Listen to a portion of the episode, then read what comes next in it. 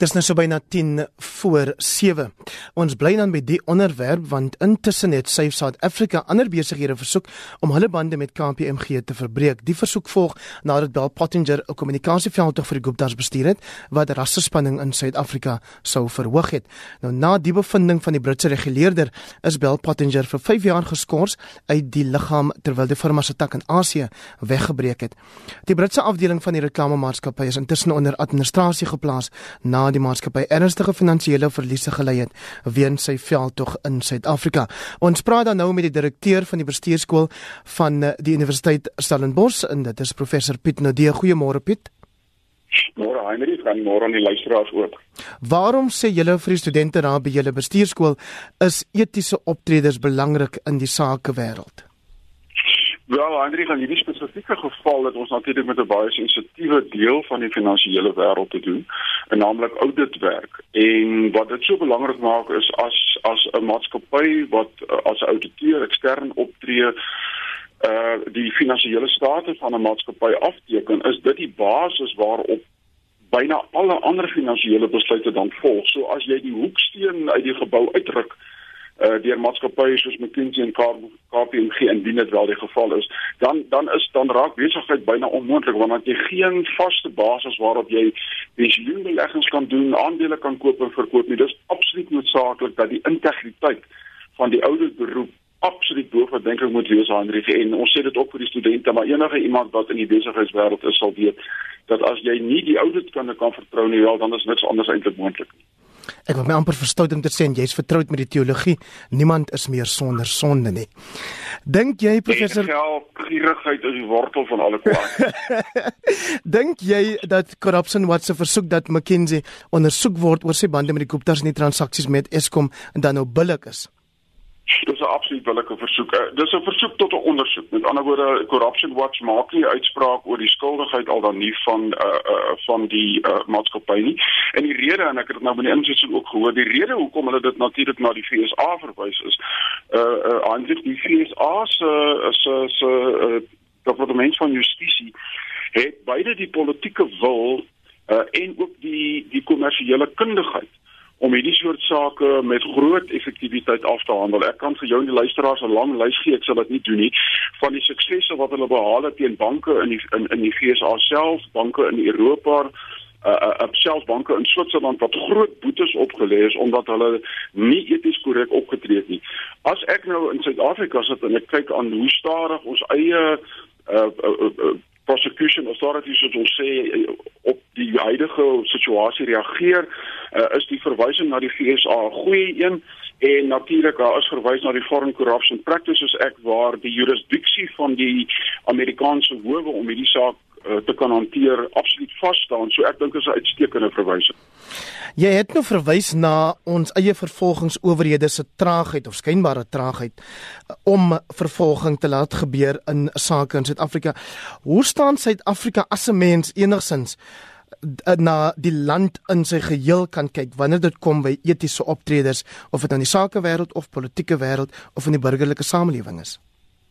Wel, uh, ons het 'n paar aanwysers aan. Die een is natuurlik die die die jaarlikse uh korrupsiebarometer wat uitgebring word deur uh, Transparency International, hulle hoofkantoor is in Berlyn. Die probleme die uh ondersoek het dat 'n persepsie ondersoek. Dit is nie 'n empiriese ondersoek nie. Met ander woorde, dit sê nie vir jou inderdaad is daar uh 3% 4% 80% korrupsie nie maar die probleem as ons ons weet is dat persepsies in die sakewêreld uh en in in ons normale lewe word nader aan die werklikheid en op daardie persepsie indeks vaar Suid-Afrika glad nie goed nie en wat ek maar net duidelik ook sê alreeds dit sluit nie net ons publieke sektor in wat 'n maklike teken is nie die gevalle wat ons vanoggend bespreek is almal gevalle van baie baie goeie uh as ons kyk na die verlede internasionale maatskappye wat betrokke is. So dis duidelik dat korrupsie nie 'n Afrika issue is nie, dis ook nie net 'n publieke sektor issue nie. Dit loop wyd dwars deur die wêreld en solank mense uh, bereid is om die reëls te buig of selfs te breek ter wille van korttermynwins sal ons dit altyd bly behou. Prof ons het nog 3 minute vir 3 vrae. Hoe sou jy sê moet maatskappye wat tans besigheid doen met sê nou maar KPMG optree, moet hulle gehoor gee aan 'n versoek van Safe SA dat hulle ook bande moet verbreek met die maatskappy? Dis 'n baie moeilike vraag, Hendrik. Uh, uh, ek sien die Institute of Directors het gister aangekondig dat hulle uh, hulle verhouding met KPMG ja. gaan opskort maar natuurlik dit het alles slegs 'n borgooreenkoms en dit nie werklik oude dienste in 'n kontraktuele verpligting nie.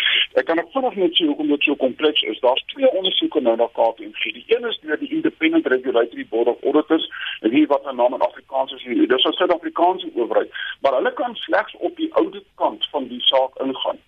Uh, KPMG internasionaal se eie ondersoek na sy Suid-Afrikaanse uh, tak as dit ware is natuurlik ook nog nog op gang.